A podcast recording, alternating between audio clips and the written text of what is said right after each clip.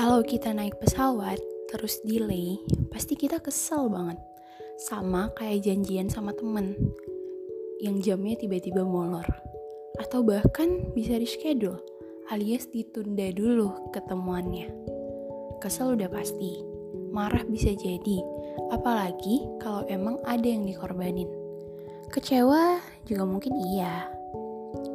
Ada berbagai perasaan negatif yang sekaligus kita rasain karena satu atau lebih penundaan yang kita alami.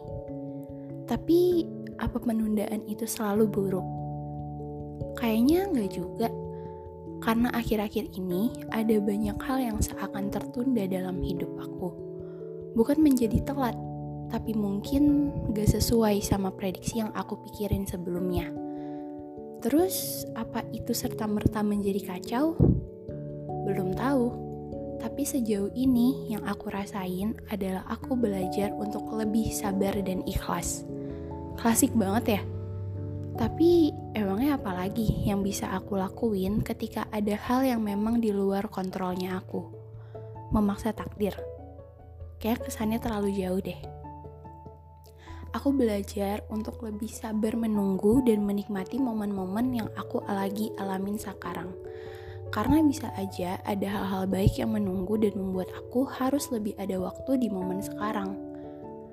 Termasuk belajar untuk lebih ikhlas dengan segala perasaan negatif yang mungkin sedang aku alami. Ikhlas dengan segala bentuk penundaan yang terjadi, ataupun dengan kejadian-kejadian yang berpotensi bikin kesel.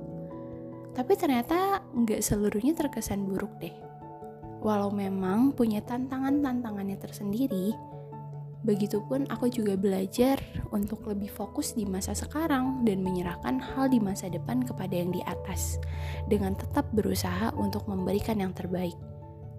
Dan terakhir, aku juga belajar untuk gak selalu tanya, kenapa sih harus gini? Atau bentuk keluhan-keluhan lain. Karena ternyata gak semua hal perlu kita ketahui alasan spesifiknya. Dan gak semua hal langsung terlihat gitu hikmahnya.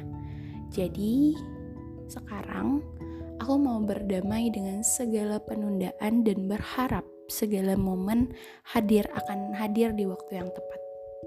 Jadi penundaan apa nih yang lagi kamu rasain?